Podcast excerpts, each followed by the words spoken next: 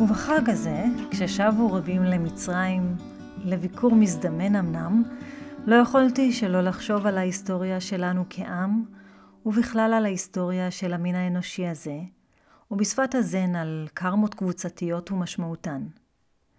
חשבתי על הגלות או העזיבה לארץ אחרת, שחזרה ונשנתה לאורך תקופות ההיסטוריה כאן בארץ הזו, ואחריה על ההתקבצות המשותפת בארצות השונות, שגשוג ושפע וצמיחה, ואז פרעות, נרדפות, או עבדות, כמו שכינינו זאת בהגדה הזו של פסח. וכולנו, כולנו מכירים את הגלגל. וניסיתי להבין מדוע שגור המשפט רבותיי ההיסטוריה חוזרת. האם באמת ההיסטוריה חוזרת? או האם אלו תנאים ונסיבות, כמו שאני נוטה להגיד כאן לא פעם, שהובילו להגליה או לעזיבה של הארץ הזו וכל מה שהשתלשל מזה? ואם ההיסטוריה אכן חוזרת, מה גורם לה אם כך לחזור על עצמה? האם זו הקרמה, כמו שאנחנו נוטים לקרוא לזה? קרמה של העם היהודי במקרה הזה? ואם כך, מהי קרמה? איך היא נוצרת? האם היא גורל שנגזר על בדיד, חברה או עם? בסיפור הזה, העם היהודי, שבאומץ ובהון, כמו שאנחנו נוטים לשנן לעצמנו, נלחם ללא חת ומצליח בכל פעם לשמור על עצמו. או האם, האם זו טיפשות, כמו שאומר אלברט, והכוונה לאיינשטיין כמובן, של אותן פעולות שחוזרות על עצמן ומביאות את אותן תוצאות, רק שאנחנו קיווינו לתוצאה אחרת, והפכנו את אותן תוצאות לנרטיב, למורשת, היסטוריה וכולי. והאם, האם בסופו של יום יכול עם באשר הוא לצאת לחופשי, וכשהוא יוצא לחופשי, האם הוא יוצא משררת העם האחר, או שמא מהרגליו הוא? ואולי הוא אמור לצאת לחופשי ממה שהוא הפך לעצמו למורשת, אותה הוא ממשיך לשחזר. ברוכים הבאים לפודקאסט הירח לא נרטב. שמי שרון חסיד אדמוני, מורה ומתרגלת בדרך הזן, והפודקאסט הזה בא לשתף אתכם בזן בחיי היומיום. ואם הפודקאסט הזה מעניין אתכם, אתם מוזמנים לשתף אותו לקרובים אליכם, אולי זה ייגע גם בהם.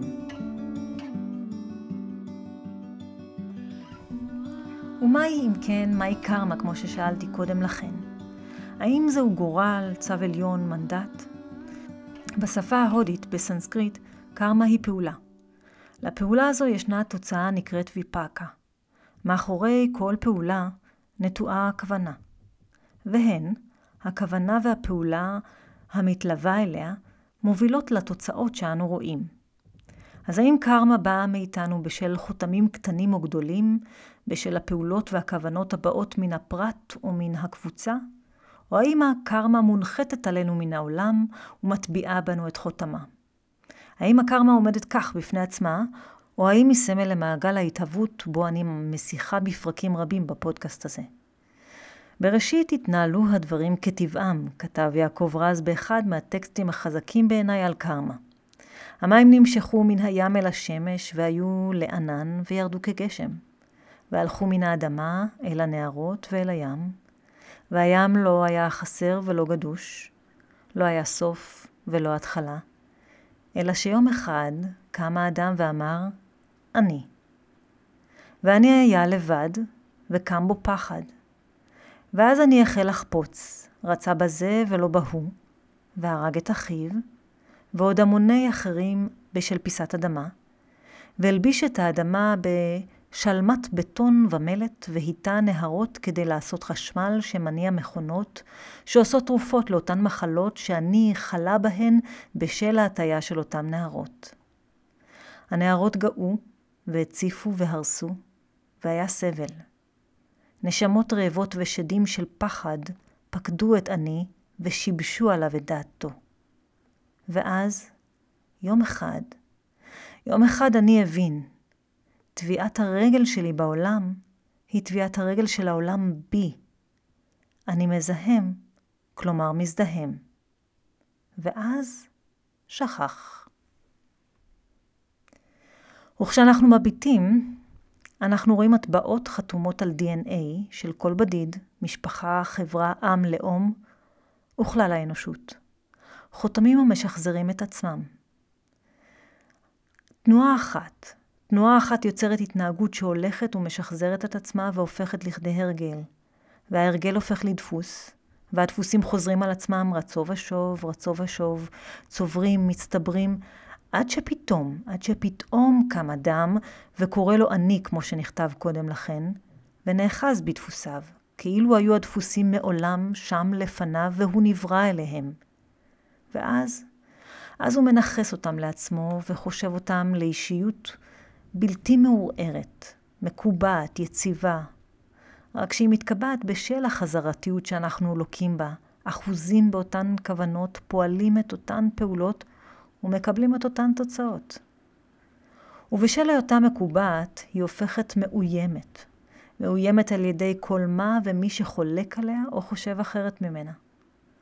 וכשאדם מאמין להרגליו ולדפוסיו והופך אותם לעצמו, לקווי דמותו ואישיותו, ולא משים לב, הוא מבודד עצמו מן העולם.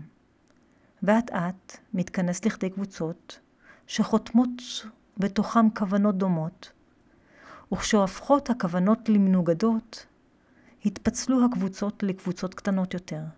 רסיסים ושברים, עמים ודתות ואמונות שהלכו והתרחקו מבראשית ומן הבריאה, התרחקו מהקשב העדין ומן המכוונות אל העולם. ועם האחיזה בכוונות ובפעולות, יצרו להם מבנים שבכל פעם, בשל האחיזה החזקה של האדם בהם, קרסו לתוך עצמן. גם אם הכוונה הייתה טובה במרכאות מתחילה, כי אין טוב ואין רע. וניתן לראות זאת בשדות השונים של החיים. דתות וקבוצות לאומיות שפילגו ופיצלו וכיוונו כוונות זו אל זו. כוונות אקולוגיות שבאו להיטיב אך יצרו הרס. מפלגות שיצרו פלגנות. קיבוצים שנחלקו לכדי איחוד ומאוחד. בית הלל, בית שמאי, טבעונות וכולי. תפיסות מנוגדות שמבקעות אפילו את הבדיד מן הבדיד האחר. וזה גורלנו במרכאות, אנחנו חושבים, אבל אמנם, האם כך אמורה לפעול המערכת האקולוגית הזו שנקראת אנושות? אם נסכים לראות, קרמה בבסיסה שבויה ונולדת בתוך התודעה המפרידה שלנו. שלנו ולא של האחר. אנחנו יוצרים אותה בזרוע נטויה, וכן ביד חזקה שמחזיקה ויוצרת חזקה על כל מה שהיא מכלילה כשלה. קרמה לא באה מעצמה, לא נוחתת מן השמיים, אלא היא תוצר של כלל הכוונות, הפעולות, המובילות לתוצאות שהולכות וצוברות והופכות למה שאנו מכנים אחר כך מורשת, הרגלים, מציאויות מדומות שאנחנו מאמינים להן שהן אמת. ובכך אנחנו מאבדים את מהות כל היצירה הזו. מאבדים את המאזן האקולוגי של האנושות. מזהמים ומזדהמים בה בעת. ובכל המועד הזה נסענו אני ומשפחתי להרי אילת. ובדרך הקשבנו לאחד הפרקים מתוך הפודקאסט מפלגת המחשבות של מיכה גודמן ואפרת שפירא רוזנברג. ובפרק ההוא מנסה מיכה להסביר על ההבדל שנוצר כאשר פונה האדם הפרטי או חברה כלשהי לקיצוניות, ומולו את אשר מתרחש בקרב אדם שמוכן לשאת בתוכו ערכים מנוגדים. האדם הערכי, אומר לנו מיכה, מכיל בתוכו את אותם ערכים מנוגדים, אשר כל אחד מהם מהווה מעכב ומאזן עבור הערכים האחרים בהם הוא מחזיק. מה שמבנה בו באדם את יכולת הפשרה. ולעומתו, האדם הקיצוני, טוען מיכה, מחזיק בערך אחד בלבד, מקדש אותו, וכך כל מערכת האיזונים מופרת בו פנימה, הוא הולך ומקצין, עד שזה ילך ויתהפך גם עליו, עד לכדי הרס עצמי. ומכאן, מכאן נשאלת השאלה. כולנו, לפחות רובנו לשם אי ההכללה, מחזיקים בתפיסה, בתפיסת היותנו, אנשים ערכיים. אבל אם נביט לאחור, לרגע, נביט ב... המקומות האלה, בהם התפוררו להם מבנים בחיינו לכדי רסיסים לאורך ההיסטוריה, מה שאנחנו מכנים, האם ייתכן שהלכנו והקצנו? האם הפרנו בתוכנו את מערך הבלמים והאיזונים העצמי? האם היו אלה מקומות שבהם בלא משים לב, בשם אותן כוונות ופעולות שיצרו את הקרמה האישית או הקבוצתית, התמוטט המגדל על יושביו והוביל להרס, גם אם חלקי, גם אם זמני, אבל הרס, והאם האם היה ביכולתנו לשנות שם משהו? אז האם קרמה היא גורל, צו או מנדט? לא יענה הבודה. לא צו, לא גורל, לא מנדט. קרמה היא מערך הכוונות על כל הפעולות שלהם, שעליהן יש לנו אחריות גדולה. ורק הראייה הצלולה, הראייה הנכוחה, היא שיכולה להפסיק את מעגל הקרמה. ואולי המקומות הללו, בהם מגדלים נוטים לנפול, אולי אלה הם שעונים מעוררים הבאים להזכיר לנו שרבותיי, ההיסטוריה חוזרת ולא כך מעצמה. היא חוזרת מכיוון שלא השכלנו להבין שקרמה אינה גורל, אלא שאנחנו, אנחנו כן, כבדיד וכקבוצה, ממשיכים לאחוז באותן כוונות שיוצרות את אותם מהלכים שמקצינים ובשל ההקצנה קורסים לתוך עצמם. אולי. ואולי, כמו שאומר מיכה גודמן, אולי ככל שנחזיק יותר בערכים מנוגדים ונהיה מוכנים לפשרה, לוויתור, לקשב עדין ומכוונות אל העולם, נוכל לשנות את מה שקראנו לו היסטוריה או מורשת לכדי משהו חדש שמתהווה בכל רגע. ואין חלילה דבר רע במורשת. אינני מכוונת לשם. יש במורשת מן הסיפור, רק שעלינו להבין את מוגבלותה של מורשת, את היותה סיפור שאנחנו ממשיכים לספר בו כמו הגדה. ואולי אפשר ואף מוטל עלינו ליצור לפעמים מורשת אחרת, כזו שמתאימה לזמנה, מבלי לשכוח את כל המורשות שהיו שם עד כה, רק כדי להבין מה מטרתן, מה הן משרתות, מה נותנות. ולשאול האם הן עדיין רלוונטיות, או שעכשיו יש ליצור מורשת אחרת ממשיכה את זו, אחות לה, אולי בת, ואולי שונה לחלוטין, אולי. והעולם הזה, העולם הזה גדוש בחולי, בעיוות, באסונות טבע, ולא כולן הן פרי מעשיי, חשוב שנדע. הן פרי הסביבה, גנטיקה ושאר נסיבות. זה לא הקרמה שלי שהובילה את האחר לפגוע בי. חשוב שנזכור. לא עונש, לא שכר. לומר זו הקרמה שלה או שלו על מי שהיה קורבן של אונס או רצח, על מי שנדבק במגפה או חי בדלות, הוא עיוות של רעיון הקרמה וכיסוי קלוש ללב חסום, כותב יעקב רז באותו מאמר שהזכרתי קודם. נולדתי אל מארג אינסופי של נסיבות ולאו דווקא אל פרי מעשיי. אבל לקרמה, לקרמה יש פתרון. כשפתרון שוב הוא מושג מעולם הקרמה והפיצול, ובכל זאת, פתרון. רק שהפתרון הזה איננו מעולם הקרמה. הוא נקרא מכוונות.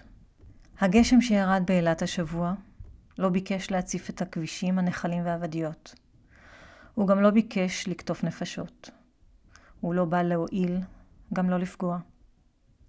לפעמים גשם מועיל בלא כוונה, הוא מרווה אדמה שמעולם לא ביקשה רוויה, ובכל זאת מעגל שלם של פריון, של תוצאות מותנות ומכוונות מתרחשות, שלא אחזו בכוונה מוקדמת, רק הבשילו תנאיהם. ולפעמים הגשם הזה פוגע בלא כוונה, וקוטף נפשות שטעו בדרך ונסחפו בשיטפון, כי נקלעו לתנאים. אבל הגשם לא מבקש להשתחרר, לא מטיפותיו, גם לא מאלה שנסחפו בשיטפון, כי לא הייתה לו יד בזה. גם לא מן ההתאבות, הוא ירד לכשהבשילו תנאיו. הוא ישוב אל הים ויתאבה אל ענן. לא טוב, לא רע, לא בא להותיר חותם. רק הלב שלנו הכואב את אלה שנסחפו, ימשיך להחזיק בזיכרון. יותיר באלה הקרובים אליהם חותם, ואולי בכולנו. רק השאלה, מה מכאן והלאה? איך נמשיך לפעול מכאן? ואולי, אולי הפעם נזכור שטביעת הרגל שלנו בעולם היא טביעת הרגל של העולם בנו. שכשאנחנו מזהמים, אנחנו מזדהמים. אולי כשנדע לזהות את הקרמה, לא להתעלם ממנה, נוכל להשתחרר ממנה, ולא נשכח. הפעם לא נשכח.